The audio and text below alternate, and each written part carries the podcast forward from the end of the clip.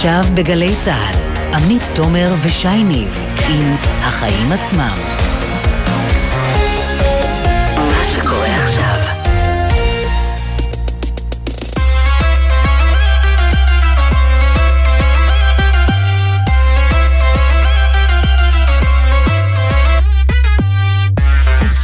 שש ושלוש דקות, אתם על החיים עצמם, התוכנית הכלכלית-חברתית של גלי צה"ל. אני עמית תומר, ואיתי כאן פותח את השבוע שי ניב. מה קורה, שי? חזרת אלינו. כן, לגמרי, חזרתי. כן, נו, הקורונה הגיעה גם אליי, מתישהו. מישהו היה צריך, אה, כן, לעבור את זה, גם אני. תשמעי, סירבתי לחגוג היום אה, יחד עם ההסתדרות את ההודעה שהכריזה על סיום סכסוך העבודה באוסם והעלאת שכר המינימום בחברה. ניתן לכתבתנו עינב קרנר להסביר למה זה לא כזה משמח במקרה הזה. נדבר גם על חדשות משמחות יותר, ההגרלה השלישית של דירה בהנחה, ונשאל את יושב ראש רשות מקרקעי ישראל למה מחירי הדירות לא יורדים, וגם מחקר חדש של המשרד להגנת הסביבה, שממחיש איך אנחנו, שמשתמשים כל כך הרבה בפלסטיק, הורגים את צבי הים, רואים את זה בחופי הים, מסתבר שיש לזה השלכות קשות על uh, החיות. כן, מעבר לתמונות המאוד לא נעימות. עוד uh, בתוכנית, בעקבות ההתפרקות של הרשימה המשותפת, תהינו עד כמה לחברה הערבית אכפת מהחיים עצמם ומיוקר המחיה, ואם זה uh, משחק תפקיד בבחירות, ספוילר, בוודאי שאכפת, כן? וגם למה פייסבוק לא נלחמת בהפצת שקרים לקראת הבחירות בישראל. נהיה גם עם מסעות לפולין שנפסקו, אבל עכשיו למשרד החינוך יש דרישה די הזויה מהמדריכים שרוצים להעביר בישראל מסעות משואה לתקומה, אה, ונדבר גם על מערכת חדשה שמאפשרת לטעון מכוניות חשמליות בלי חיבור לרשת החשמל באמצעות מימן. זה כבר קיים ועובד, מטען נייד לרכב, אם תרצו. איזה כיף, כן. טוב, תשמעי אה, את הכותרת שלי ונגיד לך. כן, בבקשה, שי. הנה, אז אה, תראי, את מכירה את זה שכל פעם שאנחנו מפנים את האצבע לאיזו יצרנית מזון שמעלה מחירים, אנחנו מקבלים בחזרה מבול של טענות נגד המדינה, נגד מכון התקנים, הפקקים בנמלים, הבירוקרטיה. עכשיו, זה תמיד נשמע כמו ערימה של תירוצים, ואת יודעת מה? ברוב המקרים האלה באמת תירוצים. אבל תשמעי סיפור מרגיז שהופיע הבוקר בדה מרקר, שמוכיח שבין כל התירוצים, לפעמים יש גם איזה אמת קטנה. אה, מסתבר שעשרות אלפי משאיות בשנה נוסעות סתם, פשוט סתם, מנמל חיפה ועד לאזור הדרום, רק בגלל שבנמל אשדוד עדיין לא פתחו את מסוף הגרעינים שהבטיחו לנו אה, כבר מזמן. 35% מיבואניות הגרעינים, אלה שמביאות אה, תירס, חיטה, שעורה, סויה ועוד, יושבות באזור הדרום. אבל במקום לפרוק את מטען האונייה בנמל אשדוד הקרוב, mm-hmm. הן נאלצות לפרוק בנמל חיפה, ואז כן, לשנע בחזרה דרומה אה, משאיות שמייצרות לנו פקקים, זיהום אוויר, שעות עבודה מיותרות, ובעיקר... שלא לדבר על הכסף. או, בשביל זה אנחנו כאן. מעלות לנו את מחיר המוצרים ב-8 אחוזים. זה, זה לפחות מה שככה אה, אומרים המחקרים. למה כל זה קורה? כי עד היום רק בנמל חיפה יש מסוף גרעינים וממגורה עם קיבולת ראויה. באשדוד יש ממגורה קטנה, אבל אין מסוף. ולמרות שכבר מזמן החלו לבנות מסוף חדש גם באשדוד, הוא עדיין לא נפתח. למה את שואלת? שאלה מצוינת עמית. שוב מיליון תירוצים שונים. באיגוד לשכות המסחר טוענים שבנמל אשדוד לא באמת רוצים לפרוק מה שנקרא מטענים כלליים. במשרד התחבורה אומרים שהעסק ממתין לאישורים אחרונים, וידה ידה ידה, דיבורים כמו חול ואין מה לאכול. סליחה, יש, אבל ביוקר. ביוקר, כן. והשאלה האמיתית תהיה, האם כשיפתרו את הסיפור הזה, ואני באמת מקווה שיפתרו אותו במהרה, מחירי המזון של הגרעינים וכל מה שמגיע מחיפה לאשדוד, אכן ירד ב-8%? יש לי הרגשה שזה לא בהכרח יקרה בכל המקרים. כן, ובואי, זה לא גרעינים שאנחנו מפצחים בכדורגל, זה, אתה יודע, חיטה, אמרנו, זה... זה ה basic. כן, ואוכל לבעלי החיים שלנו, הכל נגזר מזה בסופו של דבר. גם, כן. מה הכותרת שלך? אני עדיין תקועה לבולען בנתיבי איילון, שאומנם לא שיבש לנו בסוף את החיים יותר מהרגיל הבוקר, הכבישים היו אפילו יותר ריקים מביום ראשון טיפוסי, אבל זה כי רבים מהמעסיקים התירו לעובדים שלהם לעבוד מהבית. אבל לא כולם נהנים מזה, לא היום ולא במהלך מגפת הקורונה. מחקר שערך לאחרונה מכון טאו ברק קשר הדוק בין השתייכות העובד לאוכלוסייה החזקה לסיכוי שהמעסיק ייתן לו לחסוך את הפקקים ולעבוד בפיג'מה מהבית. כך אה, במגזר החרדי והערבי נצפו במהלך הקורונה שיעורים נמוכים יותר של עבודה מהבית, שאז, נזכיר, הייתה נחוצה גם לבריאות, מאשר בקרב יהודים לא חרדים. גם בעלי השכלה אקדמית נהנו יותר מעבודה מהבית, 40% מהאקדמאים, לעומת שיעור נמוך ביותר ממחצית בקרב עובדים בעלי תעודת בגרות בלבד, ו-5% רק מהעובדים שאין להם תעודת בגרות עבדו מהבית. לא תופתע לשמוע בוודאי שבראש רשימת העובדים מהבית, על פי המחקר,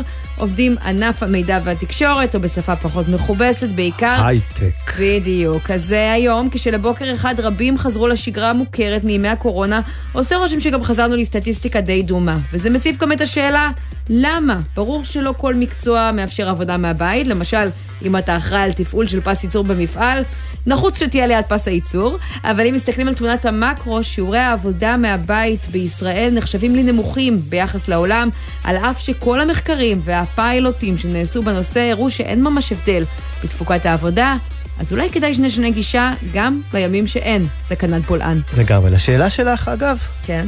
שליטה. מנהלים רוצים להרגיש מקרוב ש-. שיש יש תמורה, כן. אה, זהו, בגדול. תהליכים אה, לוקחים לאט, הקורונה גרמה לנו לעשות איזושהי התקדמות. תמיד אה, בנסיבות כאלה הולכים גם אחורה, השאלה עד כמה אחורה נלך. בדיוק. נתחיל. יאללה.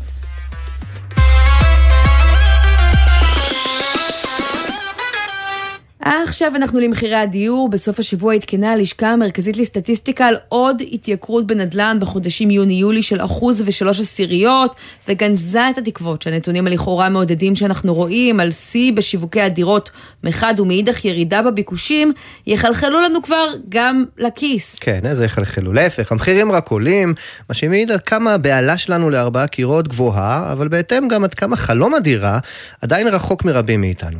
אז אולי, אה, כדי להילחם בזה, משרד הבינוי והשיכון ורשות מקרקעי ישראל הודיעו היום על הגרלה נוספת, שלישית השנה, של דירה בהנחה, מה שפעם אה, קראו אה, מחיר למשתכן, נכון?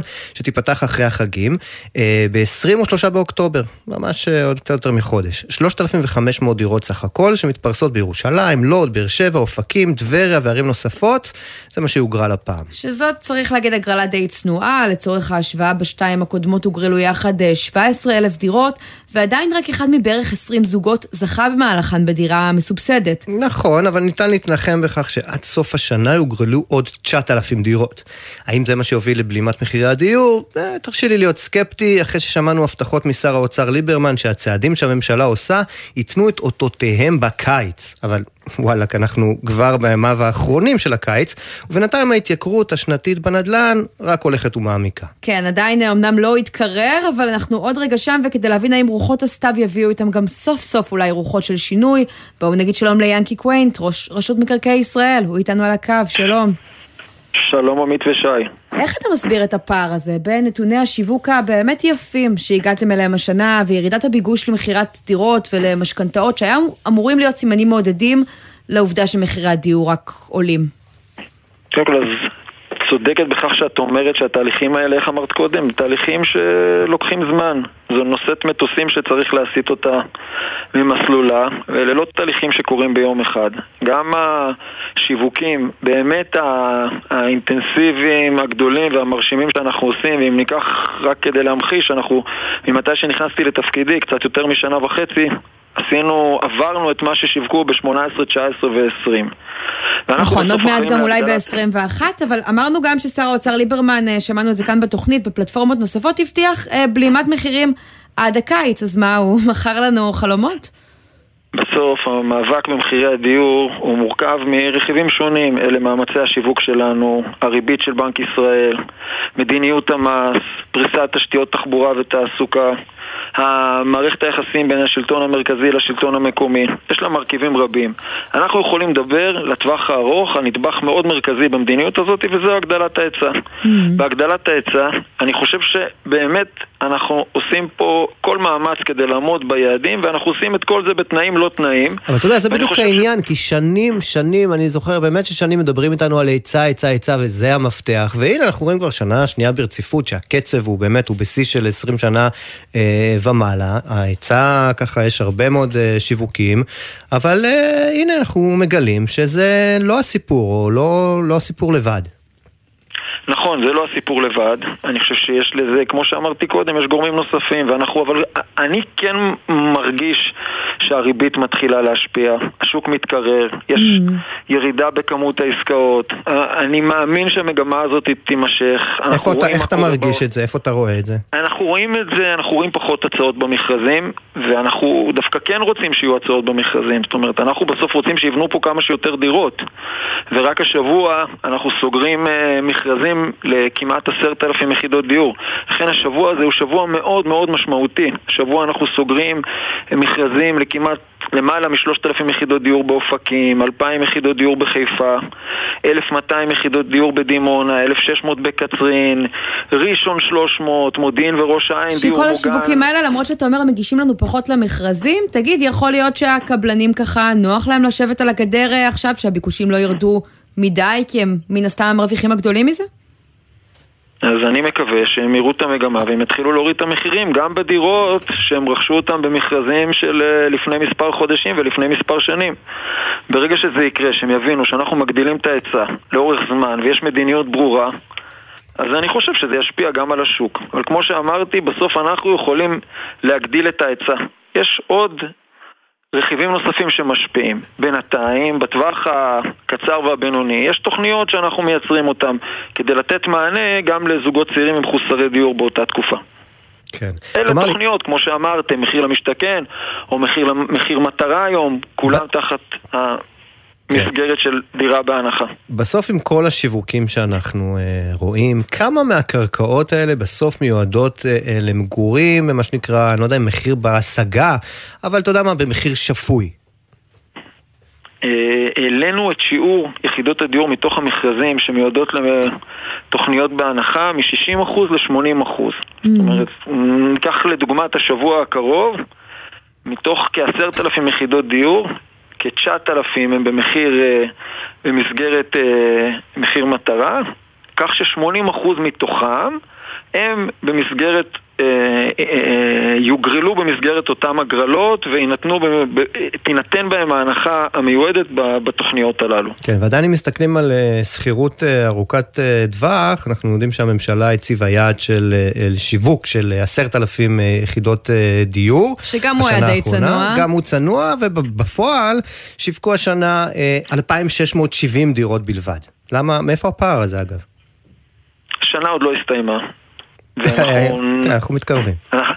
נכון, אבל אנחנו נגדיל את uh, היקף יחידות הדיור שישווקו במסגרת uh, דיור להשכרה. בסוף, אתה יודע, יש איזה קניבליזציה בין uh, דיור להשכרה או מחיר מטרה או בכלל הדירות. למה? ואנחנו מנסים, כי כל דירה שאת לוקחת אותה ומורידה אותה ולא משווקת אותה במסגרת מחיר מטרה, אז היא דירה פחות שאת יכולה לאפשר בתא אז יכול להיות שבגלל השכירות ארוכת טווח שהצטרפה לאורך השנה לא תצליחו להגיע ליעד של 30 אלף דירות בהגרלות? כי ראינו שהמספרים הפעם די צנועים בהגרלה לא, הנוכחית. לא, לא, לא, כי, כי אה, תראי, בסוף זה תלוי מאוד, אה, אני מקווה מאוד שהמכרזים האלה ייסגרו בהצלחה. זאת אומרת, ההגרלה הבאה היא תהיה פרי של uh, המכרזים של, שאמורים להיסגר השבוע. אבל בסוף אנחנו צריכים לנהל את זה בצורה מאוד uh, עדינה ומאוזנת, ולכן אנחנו מוצאים גם דיור להשכרה. יש רשויות שפחות רוצות, אנחנו בסוף מנהלים פה איזה ממשק גם מול השלטון המקומי ואנחנו גם צריכים לפעמים לשכנע אותו שזה נכון אה, אה, לשווק בתוך שטח הרשות המקומית פרויקט של דיור להשכרה לפעמים יש העדפות אחרות ואנחנו מנסים לעבוד בשיתוף פעולה עם השלטון המקומי. לדירות במכירה נתתם אה, תמריצים לרשויות המקומיות שגם לא התלהבו מקצב השיווקים שלכם יש מחשבה לעשות את זה גם לגבי דירות להשכרה לטווח ארוך?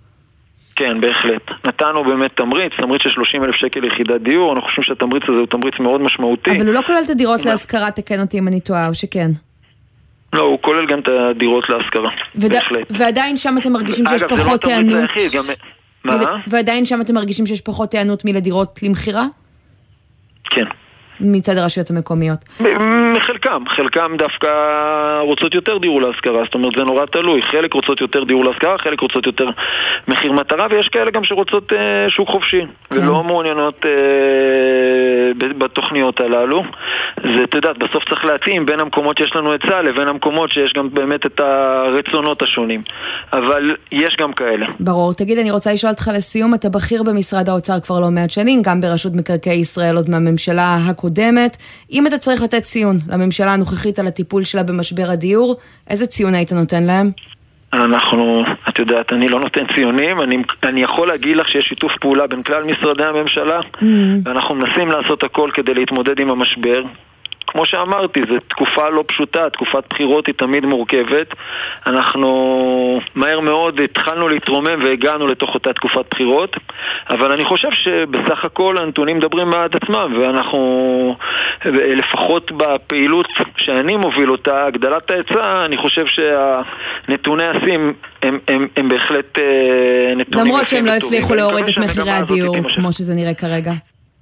בסוף ההיצע הוא, הוא, הוא מרכיב מאוד משמעותי, אבל לצידו יש מרכיבים נוספים. ברגע שגם הם אה, יטופלו, אז המחירים אה, יגיעו לנקודת השיווי המשקל. כן. טוב, זה המקסימום אופטימי שאתה יכול לתת לנו. בסדר, נו. ינקי קווינט, מנכ"ל רשות מקרקעי ישראל, תודה רבה ששוחחת איתנו. תודה לכם. ובהצלחה בהגרלה החדשה.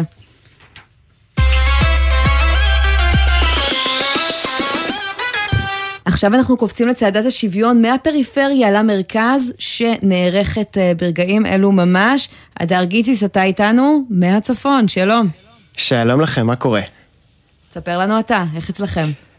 אצלנו מצוין, תראי, הצעדה הזו יצאה היום משני מוקדים, גם מהצפון, אה, מקריית שמונה אל עבר כפר גלעדי, וגם אה, בדרום, בבאר שבע, כשבחמישי המטרה של, של מארגני אה, צעדת השוויון היא להגיע לכנסת לירושלים, תחת אותה אמירה שאם הכנסת לא באה לפריפריה, אז הפריפריה תגיע לכנסת, והדרישה היא בסופו של דבר שוויון לפריפ... לפריפריות החברתיות והגיאוגרפיות, קריאה למפלגות להתחייב לרשימה של שינויים. שינויים מהותיים, בעיקר בנושאי הדיור, הרווחה, הבריאות אה, והחינוך, והכל מתחיל מהפריפריה, גם התבססות על אה, אותו אה, מחקר של משרד האוצר, שמצביע על כך שנמצא קשר בין יישוב מגוריו של ילד לבין עשירון הכנסתו בבגרותו, ועל כן אלפים יוצאים גם מהצפון, גם מהדרום לצעדה הזו. יש להם ממש יעדים די מדויקים. מי, שהם... זה, מי זה רק להם, בוא נאמר? מי עומד מאחורי הצעידה הזו? עומדים מאחורי הצעדה הזו. הזו ארגונים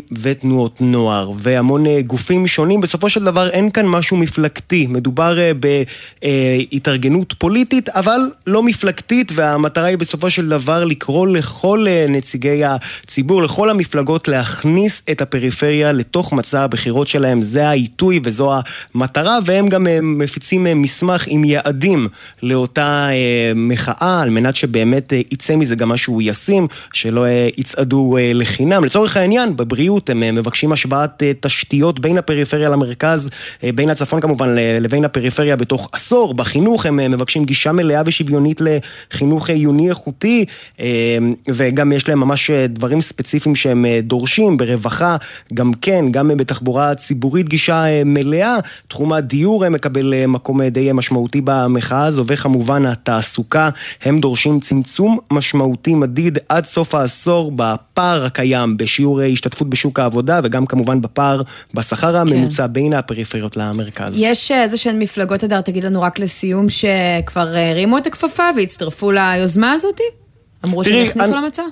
אנחנו יכולים uh, לשמוע על תמיכה של חברי כנסת בהתארגנות הזו ולשמוע על תמיכה חיובית, אבל לא ראינו עדיין מפלגה שקמה ואומרת, אנחנו ניישם את הדרישה של המוחים, אבל יש עוד מספר ימים עד שהמחאה הזאת תסתיים, היא תגיע לירושלים, אנחנו רק אה, בטבילת האש בפתח אה, של הצעדה הזו, היא תגיע לירושלים, ואנחנו רגע, הם אפשר... צועדים מהצפון והדרום עד ירושלים? מה, ברגל? אז זהו, אז זה לא פועל בדיוק ככה, הם אה, כל פעם, ההליכה קשה, כן, הם כל פעם בוחרים מוקדים אחרים והם אה, עושים אה, דרך ממוקד אה, למוקד. בסופו של דבר ביום חמישי הם יגיעו לירושלים, אבל לצורך כן. העניין, היום בצפון, מקריית שמונה לכפר גלעדי ובדרום בבאר שבע, מחר הם יהיו בצפון בעראבה וברהט בדרום, שלישי טבריה, רביעי בית שמש, חמישי ירושלים טוב, בסופו של דבר. טוב, את שביל ישראל הם כנראה ישמרו לפעם אחרת. הדר גיציס, תודה רבה ששוחחת איתנו. תודה לכם.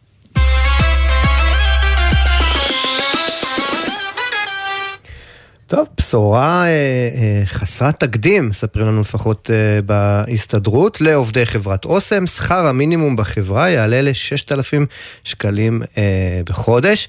אני מוכרח אגב להגיד לך שאני הופתעתי אה, אה, מן העובדה ש-900 עובדים, 900 מתוך 3,000 עובדים כן. אה, באוסם, הרוויחו עד היום שכר מינימום. כלומר, את מצפה שבמקום עבודה מאורגן, שיש בו ועד עובדים, המינימום, אפרופו שכר מינימום, להרוויח מעל השכר המחייב בחוק. כן, ובזמן שבעצם שם ייהנו מתוספת של מאות שקלים לתלוש המשכורת אותם עובדים, עינב קרנר, כתבתנו, את מספרת שלא כולם ייהנו מכך. שלום. נכון מאוד, אז כמו שאמר שי, אנחנו מדברים על בין 900 ל-1,000 עובדים שבעצם הם ייהנו משכר המינימום וזה נכנס לתוקף רק ב-1 בינואר 2023, וצריך לומר אגב שזה רק הבנות, אין עדיין הסכם, ממה שאני מבינה זה צריך לעבור כל מיני אישורים בירוקרטיים, אבל מה שכן מעניין אותנו זה שיש עוד 2,500 עובדים שהם מחוץ להסכם הזה משום שהם לא נמצאים אה, בשכר מינימום. אנחנו מדברים גם על אה, מנהלים בחברה ועל אה, כל מיני עובדים שהשכר שלהם כבר שש שנים נותר ללא שום שינוי. שוחחנו עם אחד העובדים בחברה שלבקשתו אנחנו נעוות את הקול שלו, בואו נשמע חלק מהדברים. יש לנו המון כעס על ההסתדרות. ההסתדרות מיהרה להוציא, טיפלה רק בנושא המינימום למספר מאוד מצומצם של עובדים. יש עוד נושאים ש, שנדונו בכל, ה, בכל הסכסוך הזה, אם זה הסכם של מנהלים שכבר שש שנים לא חתמו איתם הסכם. לא קיבלנו תוספות שכר למעלה משש שנים. יש, יש פה פיטורים של עובדים ש, שההנהלה אומרת שהם לא, שאנחנו לא מפטרים ואנחנו רואים שאנשים שכן נסגרות מחלקות ו, ואין שום פיצויים ואין שום דבר. אז למה את חושבת שהם הוציאו את זה? מה הרעיון? למה הם עשו את זה? כותרת, כותרת לעיתון, כותרת למדיה. חוטאים לתפקידם בעצם, את חושבת? אבל זה, זה עושה רושם כזה. כן, אלה הדברים שבאמת... אבל עינב, תני לי רגע לשחק את הסנגורית של ההסתדרות. הם דאגו לעובדים המוחלשים ביותר, החלשים ביותר, אלו שהיו הכי צריכים את זה לכאורה, ומצד שני אנחנו גם שומעים על פיטורים בדברים שאת מביאה. תראו, הם הביאו את מה שנשמע הכי טוב בכותרות. נזכיר לכם שעסקת החבילה במשק עוד לא נחתמה, ובעצם זה הדבר שהכי באמת נוגע אה, לכולם, אה, גם בהיבט הזה של יוקר המחיה, ואנחנו בפתח החגים. כש, כשלפי עסקת החבילה, רק צריך לומר עינב, שכר המינימום אמור לעלות ל-6,000 שקל רק ב-2025, נכון, אז כאן הם בעצם, נכון. הם, הם מביאים את השכר הזה אה, לאותה קבוצה של 900 אלף עובדים כבר ב-2023. נכון מאוד, וזה גם היה ברקע כל המחלוקות, כי הבוקר, אגב, חלק גדול מרשתות השיווק טענו שעדיין אין סחורות והאספקה לא מגיעה. שרק נסביר, בגלל העיצומים של עובדי אוסם, הם את נכון. הייצור, סוג של שביתה איטלקית כזאת? נכון, אז ברגע שהעובדים שובתים, אז מן הסתם אין חלוקה אה, ל, ל, ל, לרשתות השיווק, ואנחנו מדברים על ספק אה, מאוד מאוד, יצרן מאוד מאוד אה, גדול אה, במדינת ישראל, כך שזה היה מאוד מאוד מורגש. ואז יוצאת ההודעה הזו, שהיא אגב לא הייתה ברורה, רק אחר כך מבינים בכלל, חלק מהעובדים אומרים לנו, תשמעי, על מה הם מדברים? אנחנו עד לפני שעה עוד יושבים פה במשא ומתן עם ההנהלה ועם ההסתדרות, כן. כי יש הרבה דברים שהם בכלל אה, לא פתורים. עכשיו צריך לומר שמצד ההסתדרות הם אומרים, אה, כן חשוב להשמיע את אה, תגובתם, אחרי שההסתדרות, או סליחה, אה, רק שנייה, יש לי את זה פה מולי, אני, אני אקריא במקומך. אז הבאנו בשורה ליותר מאלף עובדי אוסם, תמשיך. הבאנו בשורה ליותר מאלף עובדי אוסם ששכר המינימום שלהם יעלה עם תחילת השנה לששת אלפים שקלים מהגבוהים בתעשייה. בנוסף, עם כניסתו של ההסכם לתוקף בינואר 2023, כלל עובדי אוסם יזכו לתוספות שכר במסגרת ההסכם הקיבוצי שייחתם. ההסתדרות לא תפקיד, תפקיר אף עובד אוסם, אבל צריך לומר שממה ששמענו עכשיו בהקלטה, זה לא עולה בקנה אחד, כי כן. ממה שאנחנו מבינים כרגע, אז בעצם המשבר באוסם אה, רחוק מסיום, אמנם נראה שיש עוד כמה חודשים עד כניסת ההסכם לתוקף אה, לתקן את זה, יהיה מעניין אה, לעקוב נכון, ולראות מה מתקדם שם. ועוד נקודה חשובה בעניין הזה, שגם מבחינת האספקה, זה לא ייקח כל כך מהר, העובדים אומרים לנו שזה ייקח לפחות שבוע עד שיצליחו להתגבר על כל המלאים והאספקה הסבירה. עוד שבוע רק להזכירכם, זה ערב ראש השנה, מה שאומר שאולי אנחנו נמשיך לראות עוד חוסרים. של אחד היצרנים הגדולים בארץ. עינב קרנר, כתבתי על הצרכנות, תודה רבה על הדברים האלה. תודה לכם.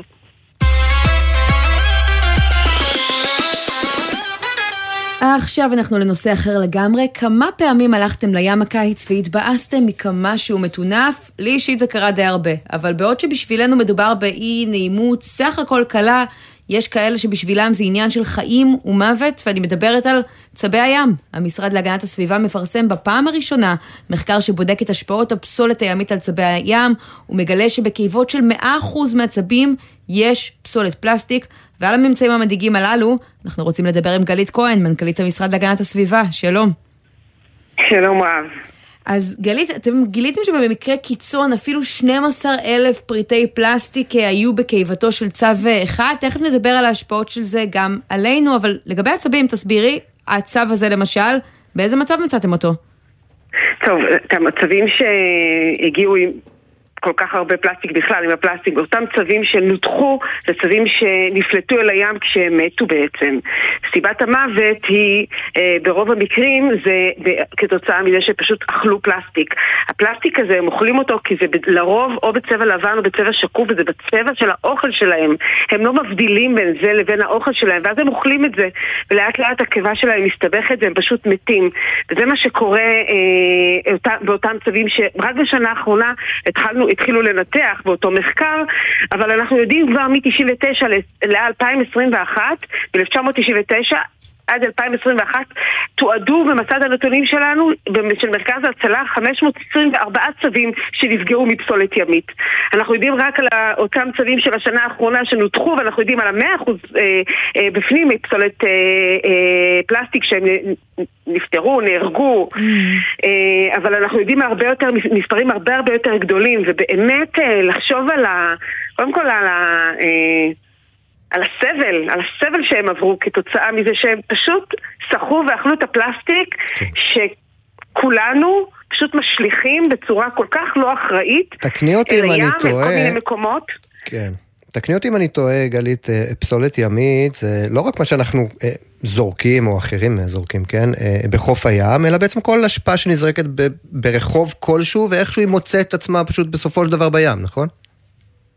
נכון, הרבה פעמים משאירים אה, פסולת אה, פלסטיק אה, על החוף, ואז מגיע, מגיעים הגלים ולוקחים את זה, וזה נסחף, זה נסחף לתוך הים, לפעמים מכל מיני מקורות זה גם מגיע, הרבה פעמים בשיטפונות, בשיטפון הראשון שמנקז את כל מה שקורה בעיר, הרבה פעמים גם זה קורה, אם לא מספיק מנקים את הנקזים, מה שבדיוק עכשיו הוצאנו בקשה לכל הרשויות המקומיות לעשות את זה. אבל אין ספק, אותה פסולת שבעיקר פלסטיק חד פעמי. אותו פלסטיק שאנחנו מנסים מאוד מאוד לשנה האחרונה ולמרות העלאת המס על החד פעמי, באמת צעד שעשיתם כדי למזער את השימוש בכלים החד פעמיים, אנחנו עדיין רואים שאין שינוי בחופי הים?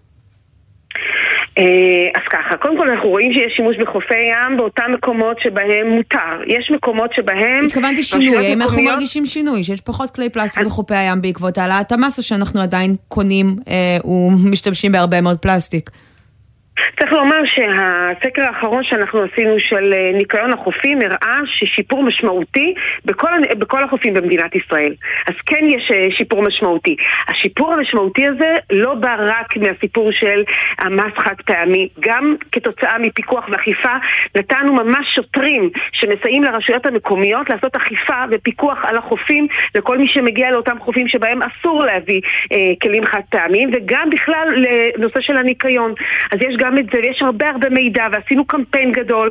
זה ממש סל של כלים רבים שאנחנו מפעילים, כדי שבסופו של דבר נראה ניקיון אה, אה, טוב יותר בחופים, ובאמת אנחנו רואים את זה בתוצאות. אם זה היה תלוי רק מאוד. בכם, רק במשרד להגנת הסביבה. אה, היינו רואים צעד רדיקלי יותר מאשר העלאת מס אה, בלבד, אולי איסור מוחלט של מכירת חד פעמי? בהחלט. בהחלט. זאת אומרת, אנחנו מבחינתנו, הנושא של המס החד פעמי אה, הוא שלב בדרך לאיסור מוחלט.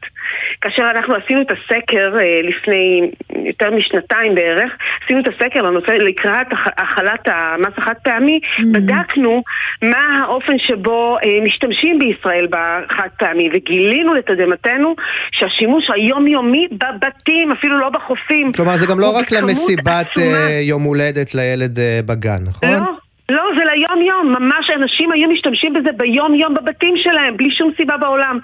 ולכן אמרנו שזה תהיה לא קפיצה לשטוף גדולה כלים, מדי. סיבה... זהו, ראינו אגב, גלית, שזה נפוץ בעיקר בקרב משפחות אה, מרובות ילדים, בקרב המגזר החרדי, ואני תוהה כשאת רואה את התמונה הפוליטית אה, כרגע, עם כל אה, סיפור אה, לימודי הליבה אה, וההבטחות למפלגות החרדיות, האם את לא חוששת שביום שאחרי הבחירות, גם המהלך הקטן הזה מבחינתכם שקרה, אה, נחזור איתו אחורה לגבי המיסוי של כלים חד פעמיים? אני, אני בטוחה שכל תושבי מדינת ישראל רוצים לשמור על הבריאות של עצמם. אז מעבר לזה שזה מייצר השפעה, וגם ב- ביבשה ולא רק בים, ובעצם מזהם את כולנו ומרעיל את כולנו, אבל עובדה שאנשים קונים את זה גם ביבשה. אחרי המס, בטח אה, לפניו, אז אה, השאלה היא, אה, האם את חושבת שיש סיכוי אה, באמת אה, אני להגביר? חושבת שכן. אני חושבת שכן, וראינו הרבה הרבה שינוי גם בקרב... אה, אה, ממש כלל אה, תושבי מדינת ישראל, ראינו- שינוי ואנשים התחילו כבר לה- להתכונן לשינוי. רכשו כלים רב פעמים לשימוש יומיומי, רכשו הרבה מדיחים, ראינו עלייה מטורפת ברכישת מדיחים, ממש חודש אחרי כניסת המס. כך שאני מניחה שלאט לאט הולכים ונערכים לכך, וזה מה שנכון לנו. לא נכון לנו להמשיך ולהתבסס על כלים חד פעמים שפשוט הורגים אותנו בסופו של דבר. אבל את יודעת, התחושה היא שאין לכם, לכם ב- מספיק פרטנרים בסוף אה, אה, בממשלה. כי עם כל הכבוד לנושא של החד פעמי, ופה באמת הצלחתם להעביר את המס הזה. בעניינים הגדולים יותר לא מצאתם אה, אה, שותפים, חוק האקלים שנתקע בסופו של דבר. אה, גם אנחנו רואים היום את הקרב, אה, ואפשר גם לדבר על זה, שמתנהל מול אה, המשרד לאנרגיה ורשות החשמל, על הנושא של הפעלת אה, אה, יחידות אה, אה, ייצור חשמל אה, על ידי פחם שהוא מזהם יותר, וכל זאת בשביל להוריד את מחיר החשמל. המחלוקות די גדולות בממשלה. כן, תמיד יש מחלוקות בתוך הממשלה, אבל בסופו של דבר מקבלים החלטה, ודווקא אפשר לומר שבשנה האחרונה כן ראינו תזוזה לכיוונים חיוביים. אגב, גם קודם, אני הרבה שנים בתוך המשרד יכולה לומר שבכל פעם אנחנו מוצאים דרכים לעשות את זה בצורה טובה יותר ולשכנע. ודווקא אני חייבת לומר שדווקא השרה זנדברג, ושרים בכלל אה, בממשלה הנוכחית ראו בדבר הזה דבר חשוב, בנושאים הסביבתיים דבר חשוב. עובדה שכן הצלחנו לקדם את חוק האקלים, וכן הצלחנו להגיע להסכמות. אה, אה, לצערנו הגענו, הגענו רק ל- אה, להעביר אותו בקריאה ראשונה כי כן. נפלה הכנסת, אבל יכולנו לעשות את זה, ואותו דבר לגבי כלים נוספים שאנחנו קידמנו. נכון, נכון, שהאינטרס של המשרד להגנת הסביבה בשיפור איכות החיים שלנו וכולי, יש לו מחיר כלכלי. הרבה פעמים בטווח הקצר, והתוצאות והתועלות, רואים אותם על הטווח הארוך. אז זה אני הסיפור רוצה שלנו. לסיום ככה לשאול אותך על מחיר כלכלי אה, אחד, באמת לעשות זום אין על מה ששי אה, הזכיר, ההחלטה שלכם להגביל את הפעלת אה, תחנת הכוח אה, אשכול, אשכול באשדוד, וככה בעצם אה, אה, לעבור אה, לייצור אה, בגז. אנחנו ראינו בפעם הקודמת שהמהלך הזה יכל להוריד את מחירי החשמל, האם כעת ההשפעה של ההגבלה הזאתי אה, זה שזה יתגלגל לנו לחשבון החשמל, ותוך כמה זמן המחיר אה, צפוי לעלות? אז ככה, אני רוצה לומר רגע, בואו רק נעשה סדר, מדובר על אשכול לעומת רוטנברג. רוטנברג זה פחם וזה באשקלון, ואשכול זה על גז וזה באשדוד. רק שהתחנה שבאשכול, למרות שהיא על גז, בגלל שהיא מאוד מאוד ישנה ולא משתמשת בטכניקה המתקדמת ביותר, טכנולוגיה המתקדמת ביותר, היא מזהמת הרבה יותר מאפילו מתחנת כוח פחמית, ששם כן יש סולקנים, לא משנה, סוג של... אז זה אה, עדיין יהיה אה, מזהם, זה רק יהיה. קצת פחות מזהם, ועדיין זה יעלה לאזרחי ישראל הרבה מאוד כסף. אז, כשה, אז ככה, כשאנחנו, קודם כל לאזרחי ישראל זה עולה ככה וככה. אם את מזהמת יותר, זה עולה בזיהום, כי את Mm. משלמת על זה בבריאות האדם, או שאת מש- משלמת על זה בעלות מחיר החשמל. אבל את אומרת גם הפתרון לא יפתור אלינו- את הזיהום. סליחה? את אומרת גם הפתרון הזה לא יפתור את הזיהום, הוא יקטין אותו קצת. ברור. ברור, הוא מקטין אותו קצת, הפתרון הוא אנרגיה מתחדשת, אין ספק בכלל, לא הגז ולא הפחם. הפתרון בטווח הארוך הוא אנרגיה מתחדשת, רק בואו נתחיל להשקיע בזה כמו שצריך ונוריד את כל החסמים. יש לזה גם התקדמות מאוד יפה שמשרד האנרגיה העביר אה, שבוע שעבר בהחלטת ממשלה על הסרת חסמים. אז כך שאם אנחנו מדברים על הורדת יוקר המחיה, או בהתחלה באו אלינו ואמרו לנו 8%, אחר כך אמרו לנו 2%, עכשיו אמרו 1%. אני חושבת שב-1% עלייה, אם בכלל, תעריף, גם לזה לא קיבלנו מספיק צידוקים, אבל בהחלט צריך לבוא ולתת לנו את המידע לגבי ההשפעות של זה בכלל, והאם באמת מדובר על שרידות, או אם מדובר רק על מחיר. אם מדובר על שרידות כן. המערכת זו שאלה אחת שלא השתכנענו בה עדיין, ואם מדובר על מחיר זה סיפור אחר, ובמחיר בואו נשים פה את כל העלויות, נשים גם את עלויות הבריאות, ונראה מה יותר נכון. כשאנחנו שמנו את כל עלויות הזיהום המקומי, בלי גזי חממה, הזיהום המקומי באשכול הוא פי שתיים מרוטנברג. אוקיי. ואני מניחה שתגידו לי, בואו, אל תזהמו באשדוד, כי אם זה פי שתיים מרוטנברג, עדיף שלא. האמת שאני אגיד לך בעיקר שאנחנו חייבים לצאת לתשדירים, זה לוח הזמנים, זה לא אני, מאוד מעניין לנו. גלית כהן, מנכ"לית המשרד להגנת הסביבה, תודה רבה ששוחחת איתנו. תודה לכם, ערב טוב. וצריך להגיד שגם אולי שזה עוד התייקרות של עוד אחוז, כשמחירי החשמל כבר זינקו רק בקיץ הזה בקרוב לתשעה אחוזים, ככה שזה כבר נהיה משמעותי. כן, נכון, וזה שוב הוויכוח בין הטווח הקצר לטווח הארוך. מבין את הדילמה. נצא לתשדירים.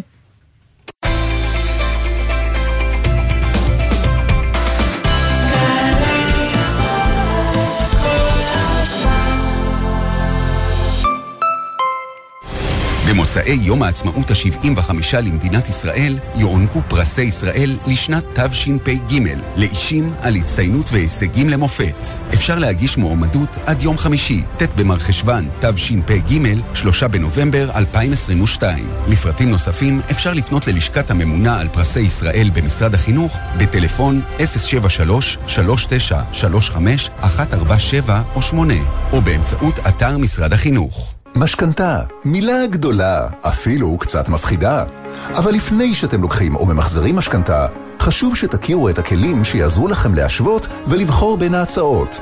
בנק ישראל מציג רפורמת השקיפות במשכנתאות. מבינים יותר? משלמים פחות. יותר שקיפות, יותר תחרות, יותר כוח ונוח להשוות, כדי שתוכלו לבחור את ההצעה המשתלמת ביותר מן ההצעות שתקבלו מהבנקים. חפשו רפורמת השקיפות במשכנתאות, או ייכנסו לאתר בנק ישראל. עמיתי מועדון חבר, אתם מוזמנים להירשם למרוץ חבר עם עד חמישה מקרוביכם ותיהנו ממגוון מסלולי ריצה, כיבוד עשיר וערכת שי לכל משתתף. 21 באוקטובר, גני יהושע תל אביב. ההרשמה באתר מועדון חבר. הכל בשבילך, חבר. מרוץ חולון חוזר ובגדול. אתם מוזמנים להצטרף אלינו ב-30 בספטמבר לשלושה מקצי ריצה ופסטיבל ספורט טבעי בלפארק חולון. ההרשמה באתר עיריית חולון. אוי ואבוי, איזה אסון! בעמוד החשמל נתקע עפיפון. שקע, לא צריך לחשוש, שלח הודעה לחברת החשמל. 055 7103 חברת החשמל, זמינים גם בוואטסאפ. שלחתי! עכשיו בגלי צה"ל, עמית תומר ושי ניב עם החיים עצמם. חזרנו, ועכשיו, אפילו שאנחנו בתוכנית כלכלית, קצת פוליטיקה. אי אפשר להתעלם מהדרמה שקרתה עם הגשת הרשימות. הרשימה המשותפת מתפרקת. כן, וגם פה נמצא אה, עניינים כלכליים לדבר עליהם, אל תדאגי. כן, אז אנחנו אה, רוצים להבין עד כמה הנושאים האלה מטרידים את החברה הערבית, כי בזמן שרוב המפלגות מנהלות קמפיינים על אה, יוקר המחיה, אנחנו פחות שומעים אותם עדיין, מדברים בכיוון. בואו נשמע קודם כל את מנסור עבאס. 15 שנים הפשיעה והאלימות הייתה בעלייה במדינת ישראל, נכון? זאת השנה, השנה הראשונה שבה אנחנו מצליחים להפוך את הכיוון של העקומה. ההישגים שלנו הם לא רק תקציבים וכבישים ובניינים, אלא, אלא ביטחונם של האנשים. זה יושב ראש רע"מ שמדבר על הנושאים הכלכליים, וכדי להבין איזה עוד בשורות יש למפלגות הערביות בתחום הזה, ועד כמה זה הנושא שככה באמת מנהל את הקמפיין במגזר, אנחנו רוצים לדבר עם מוסא חסדיה, שלום. שלום לך.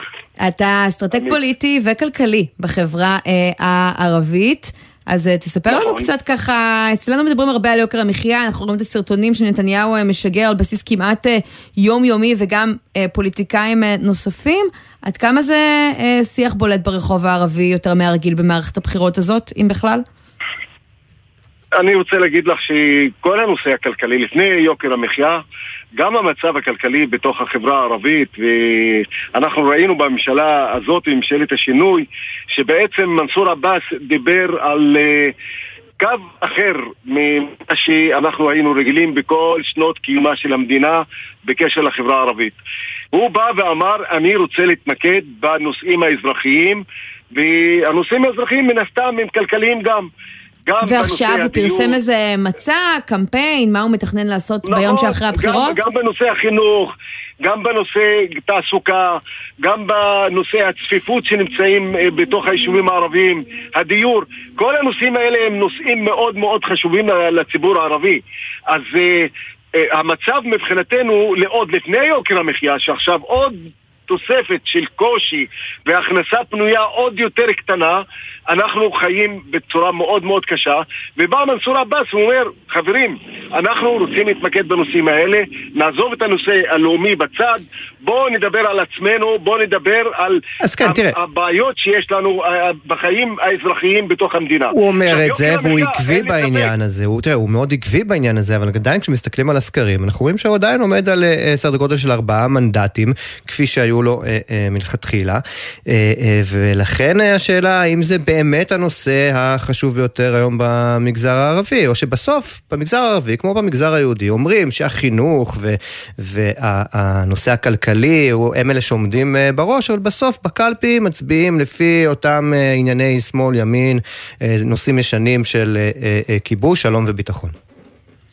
לא, אני רוצה להגיד לך שמנסור עבאס בבחירות האחרונות צפו לו שלא יעבור את אחוז חסימה. אתה זוכר?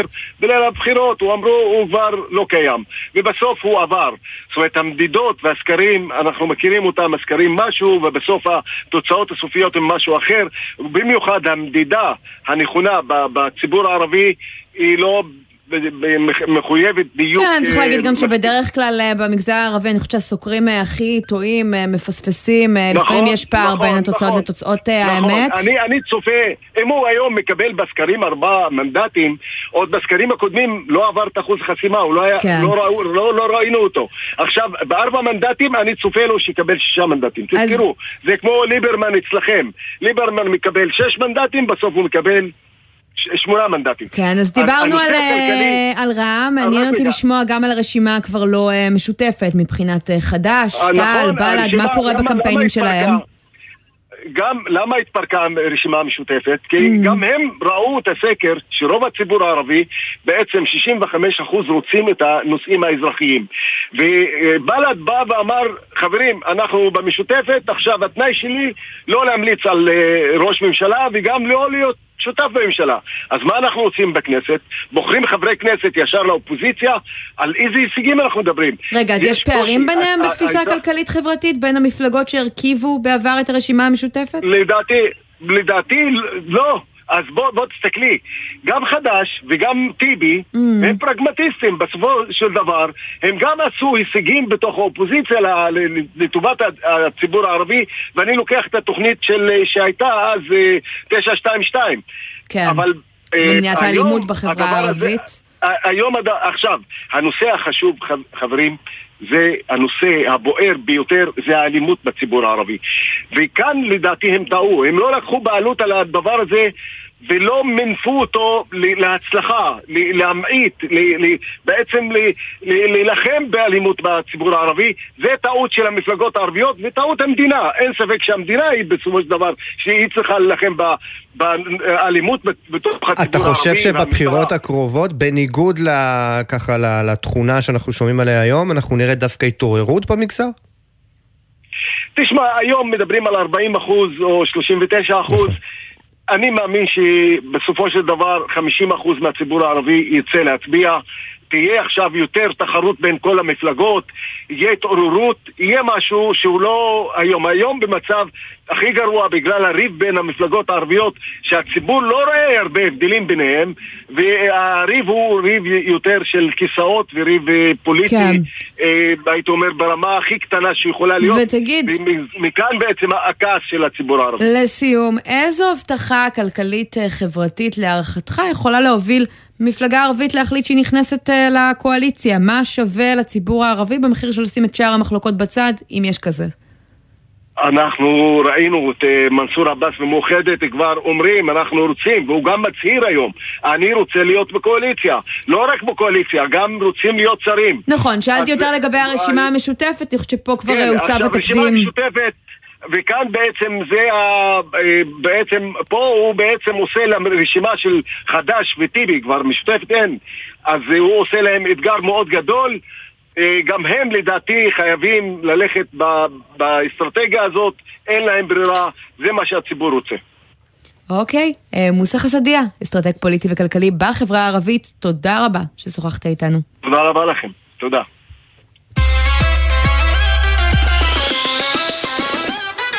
על הקפאת המסעות אה, לפולין בטח כבר שמעת, שי?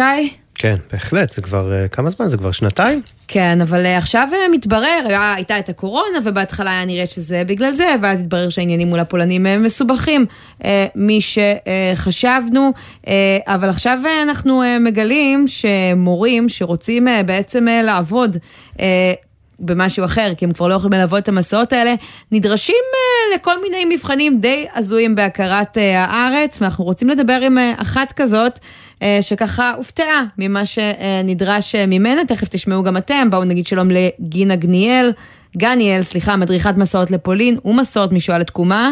היי גינה. שלום שלום, ערב טוב. את הדרכת מסעות לפולין כמה שנים? אני מ-2004 בפולין ומ-2006 משואה לתקומה. שזה קילומטראז' יפה, וככה, מתי מודיעים לך שגם אה, השנה המסעות לא יצאו, למרות שכבר אין בעיה לנסוע לחו"ל? כמו לכולם, ביולי הייתי צריכה לצאת, באוקטובר אני אמורה לצאת, והודיעו על ביטול כל המסעות. Mm, ואז אה, בעצם מה, את אה, נדרשת לעבוד במשהו אחר בארץ כאיזושהי השלמת הכנסה? לא, אני רוצה לחדד משהו, כן. אם את מרשה לי לכוון את זה. ברור. העניין הוא לא מה אני הולכת לעבוד, העניין הוא מה אנחנו עושים עם המסעות. אז אני רוצה להגיד רגע דבר על הנושא של מסעות פולין, שזה מסעות בעיניי מאוד מאוד חשובים, והעצירה שלהם היא לא לוקחת בחשבון את חשיבותם, היא לוקחת בחשבון דברים אחרים שלצערי לא רלוונטיים למסע ולשליחות שאנחנו עושים, עם המשלחות שאנחנו לוקחים, וזה הפסד מאוד גדול אה, לבוגרי י"א-י"ב בארץ. כן. ו... וזה באמת לא שאלה של הפרנסה שלנו, נכון? לא, אבל אני אגיד לך מה נשמע לי חשוב, כי אני שומעת שאת אה, פנסיונרית, בת 74, אה, ועוד מורים אה, נוספים נדרשים עכשיו, אם הם רוצים לעשות הסבת מקצוע, ללהיות מורים של סיורים בארץ, הציורים החלופיים ששולחים אליהם את התלמידים, אה, לעבור מה שנקרא סוג של טירונות. כן, אז אני אתן לך את זה מדויק. אני כן. ב-2006 עשיתי קורס בניר גלים עם עוד חברים, ומאז אנחנו מדריכים בארץ לסירוגין, פולין ומסעות משואה לתקומה. זאת אומרת, כבר הדרכנו. אני אישית הדרכתי מעל 30 מסעות משואה לתקומה, כאשר עשיתי קורס בניר גלים ל- למטרת העניין. אני בעצמי בוגרת אה, היסטוריה, יש לי תואר ראשון בהיסטוריה ובספרות, Mm-hmm. ויש לי גם תעודה של יד ושם לפולין. ואז כשאני עושה מסעות משואה לתקומה, אני משלבת את הידע שלי בידיעת הארץ עם הידע שלי על השואה, ועל פי זה בנינו בניר גלים מסעות בעיניי מופלאים. ומה דורשים עכשיו? ימים. מה דורשים ממך עכשיו? עכשיו, לפני שנתיים, צץ איזשהו עניין שאנחנו לא יכולים להדריך בלי שיהיה לנו תו תקן, שזה קורס מורה דרך, שדורש לצאת לקמפוסים במשך ארבע שנים, לשמונה קמפוסים. קמפוס זה לצאת לשישה ימים, חמישה ימים. בשד... של ב- מה, ביערות, טיפוסי אה. ערים, מסלולי אה, טבע, כן, דברים כן, כאלה? למשל, כן, למשל, המסע האחרון שרציתי להירשם אליו, התקשרתי לברר לגביו, Mm. צריך, צריכים היינו לעבור, זה הגליל מערבי, זה נחל אכזיב, זה נחל עמוד, זה אלה לא מקומות שיוצאים איתם למסעות משואה לתקומה, זה לא, בכלל לא המסלול. כן, אבל אה, בואי תשמעי, אני כשאני עושה את המסלולים האלה, אני לא רוצה להגיד לך איך אני מסיימת, זה נשמע לי אה, כמו אה, משימה ש- שאולי לא מתאימה לפנסיונרים. תראי, לא, אני חושבת שזה לא, זה לא העניין. העניין הוא שמה שאני, עוש- מה שאני יכולה לתת לחניכים במסע משואה לתקומה, זה לא משהו שקשור בעלייה או בירידה בתוך נתיב של מים של אכזיב או, או נחל עמוד, הם בתור משל כמובן. אלא אנחנו נוסעים עם התלמידים מאתר לאתר, סך הכל ההליכה הרגלית, חוץ מלרדת בנחל המעפילים מהכרמל ליגור, לא היה לנו שום... כלומר, לא היית רוצה. שיבחינו, היית רוצה שיבחינו בין מורי דרך אה, אה, אה, רגילים, מה שנקרא, שעוסקים בטיולים אה, בארץ, לבין מי שמדריך אה, בתחום נכון. השואה, ש- נכון, שעובר נכון. בין לוחמי הגטאות לצורך העניין, וקיבוץ אה, אה, תל יצחק, ועושים אה, לא דברים רק, אחרים. לא רק, אחרים. לא, לא לא, רק. אני, אני רוצה להוסיף עוד משהו אם אתה מרשה לי. בוודאי. המסע שלנו משואה לתקומה משלב גם את האלה שבאו מהשואה והקימו, למשל את כפר עציון, הקימו אנשים שהגיעו מאירופה שברחו בעור שיניהם. מן, אם- המשפחות שלהם נשארו שם, עלו כן. לארץ, הקימו את כפר עציון. Mm. ו- ומה שקרה עם כפר עציון אתם ודאי יודעים, הם שמרו על כפר עציון עד שהמקום נחרב. חלקם נטבחו שם בטבח שהליגיון נו, הירדני עשה. תשמעי, גינה, לא שזה כמובן מבטל את חשיבות המסע לפולין, אבל לפחות אפשר אה, להסתובב אה, בארץ וליהנות אה, מהתקומה, גם אלו, אני מניחה, אוקיי, סיורים אני חשובים, הדרישות אולי דבר. פשוט. לסיום, כן? עוד דבר, אני עצמי נולדתי בדמשק, ואנחנו ברחנו לארץ ב-51 דרך ראש הנקרה. Mm. המסעות שאני מדריכה מתחילים בצפון, בראש הנקרה, ואני מספרת לתלמידים שלי על המסע של ההורים שלי שיצאו עם. שישה ילדים מדמשק. זאת תקומה, יפה מאוד, גינה. וזה גם תקומה. נגמר תקומה, לנו הזמן, רק ניתן את תגובת אה, משרד החינוך ליצור את הבטחת ביטחונם של אוקיי. התלמידים המשתתפים במסעות ואיכות הלמידה. המדריכים בתוכנית נדרשים לעמוד בתו תקן, אז זה לזה הנדרש מכל מדריך של תלמידים בשטח, ובכללם סיורים וטיולים. כן, זאת התגובה של משרד החינוך. למסעות אנחנו רואים האלטרנטיביים, לא כולם אה, מסוגלים. גינה גניאל, תודה רבה ששוחחת איתנו. משפט, תרשי לי עוד משפט. אנחנו חייבים לסיים פשוט, גינה. תודה. בשיחה הבאה, תודה. תודה.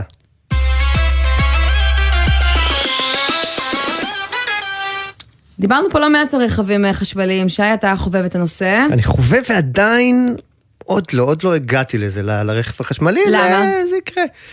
אה, אני אכנס לזה? לא אין- יודע, עדיין יקר, עדיין יקר. אה. ואין מספיק עמדות טעינה, וצריך אה, לדאוג לזה מראש, אתה יודע, כל הזמן, לפני שאתה יוצא מהבית, לכמה אתה יוצא, איך אתה כן, יוצא. אבל יום אחד. יום אז אולי עכשיו יש יוזמה שתשנה את זה. אני מדברת על סטארט-אפ חדש שמאפשר להטעין את המכונית ללא חיבור לחשמל, סוג של מטה נייד לרכב אם תרצה. ואיתנו רמי רשף, שלום. שלום, ערב טוב. מנכ"ל ג'נסל שהשיקה את המערכת. קודם כל, אה, תספר לנו אה, קצת אה, עליה ומתי אפשר אה, להשתמש בה ברכבים החשמליים. אז אה, אנחנו כולנו נמצאים בתוך אה, המהפכה, גם בעולם וגם בישראל, בתעשיית הרכב. אנחנו רואים שקצב העלייה לכביש של רכבים חשמליים מכפיל את עצמו כל שנה. אה, כל הערכות מדברות שעד 2030, עד שנת 2030, 80% משוק המכוניות יהיו חשמליות, אנחנו מדברים על מיליוני מכוניות. המשמעות שיש עומס אדיר על רשת החשמל. ופה אנחנו ביחד עם אה, חברת איבי מוטורס נכנסנו לת- ל- עם- ל- לאתגר, הייתי אומר, את הבעיה שנוצרה. כמעט, רגע, מערכת תסביר. החשמל בארץ בעצם לא תעמוד בעומס הזה מ- מ- מכל הרכבים החשמליים שנכנסו לשוק? כן, כי תחשוב שכל רכב חשמלי יוסיף אה, צריכה ממוצעת של 40% לכל משק בית. זאת אומרת שחברת חשמל תצטרך לייצר הרבה יותר חשמל, להוליך אותו ולחלק אותו. אז בינתיים יש את הפתרון שעלה- שלכם, תסביר לנו ככה איך זה עובד. אם לי יש נגיד רכב חשמלי, מה מה האפשרויות שלי? אם אני קונה את המערכת שלכם, אני פשוט מחברת ולא צריכה את המטען הרגיל? לא, אז אה, את לא קונה את המערכת שלנו, המערכת שלנו מיועדת לטעינה אה, ציבורית. בניגוד לטעינה ביתית, אנחנו הולכים על טעינה ציבורית, שם אנחנו מעריכים שרוב הטעינה תהיה בעתיד. אז אנחנו עוד לא בימים של מטען נייד לכל רכב חשמלי. לא, לא, זה לא מטען נייד, אבל נניח תלכי לסופר, אז תוכלי לחבר את הרכב, להטעין אותו רבע שעה, תגמרי את הקניות, ויהיה לך עכשיו טעינה ל-100-150 קילומטר. והיתרון הוא שזה לא מתחבר, הוא לא מתחבר למערכת החשמלית של חברת חשמל בעצם, לא. אלא מבוסס מימן, נכון? תסביר לנו מה זה אומר. נכון, אה, בדיוק, המערכת היא עצמאית, היא מנותקת מה- מהרשת, מקור האנרגיה הוא מימן. אה, מימן זה מקור אנרגיה נקי שאנחנו הופכים אותו בריאקציה אלקטרוכימית לחשמל ולכך אנחנו, למעשה אנחנו מאפשרים לנ- לנהג להטעין את הרכב שלו ולנסוע. זאת אומרת שנקודת הטעינה יכולה להיות בכל מקום שרוצים להגיע אליו, מאילת בדרום ועד כן. למטולה בצפון, לאורך הדרכים, בכל מקום שנדרש. אה, הייתי אומר, אנחנו יפה. נותנים מענה לאתגר גדול שמוצב לפתחה של חברת זהו, ומעניין לראות אם זה מה שיגדיל את מספר עמדות הטעינה החשמליות. רמי רשף, מנכ"ל ג'נסל, תודה רבה ששוחחת איתנו. ונגיד תודה גם לישראל פישר שערך את המשדר הזה, ללירון מטלון וים אור קבבצ'י שהפיקו על הביצוע הטכני הייתה גיא קפלן, עורך הדיגיטל הוא יוסי ריס, ומיד אחרינו נורית קנטי עם 360. אני עמית תומר, שי ניב, תודה רבה. תודה עמית, היה כיף כרגיל. נהיה פה גם מחר, תבואו. בחסות הפניקס סמארט, המעניקה עד 45% הנחה בביטוח המקיף. כוכבית 5432, או חפשו הפניקס סמארט בגוגל. כפוף לתקנון המבצע, הפניקס חברה לביטוח בע"מ. בחסות מחסני חשמל, המשווקת מזגנים עיליים, מזגנים מיני מרכזיים, מזגנים ניידים, ומעניקה חמש שנות אחריות על התקנת מזגנים.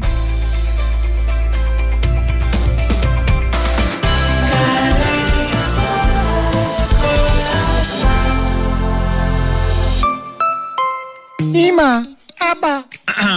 כן, זה אני, התינוק שלכם. למה אני מדבר בקול רציני? כדי שתקשיבו לתשדיר הזה של חיסכון לכל ילד של הביטוח הלאומי. אתם יודעים שאתם יכולים בקליק אחד להגדיל לי את החיסכון? ואז בגיל 21 אוכל לקבל כ-70 אלף שקל במקום רק 20 אלף. אז למה למנוע את זה ממני? הביטוח הלאומי מציג חיסכון לכל ילד. רוצים שהילד שלכם יקבל יותר? היכנסו לאתר הביטוח הלאומי, ובפעולה אחת פשוטה, בלי בירוקרטיה, תבטיחו לילד עתיד טוב יותר. אתה הבנת את זה, אבאלה?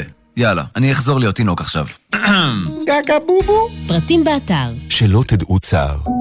אבל חשוב שתדעו, המשרד לשירותי דת מעמיד לרשות משפחות הנפטרים מוקד חירום, כוכבית 0120, הפועל 24 שעות ביממה, שבעה ימים בשבוע, חינם. וכך, אם חלילה תצטרכו, תוכלו לדעת בדיוק, במקום אחד, כיצד להתנהל בכל הנוגע לסידורי הלוויה וקבורת הנפטר. מוקד החירום של המשרד לשירותי דת, כוכבית 0120, איתכם ולצידכם גם ברגעים הקשים שלכם. עוד חצי שעה כנראה ידווחו על הולכת רגל שנפצעה קשה ומנסים לייצב את מצבה. עוד חצי שעה יפרטו כי הסיבה היא נהגת שדעתה הוסחה. אז יש לך חצי שעה לוודא שהנהגת הזאת לא תהיה את. שמרי על ערנות, ובקרבת מעבר חצייה, האתי ותני זכות קדימה למי שחוצה. בואו נסיים את היום הזה בריאים ושלמים. כולנו מחויבים לאנשים שבדרך. הרלב"ד. מיד אחרי החדשות, נורית קנדי.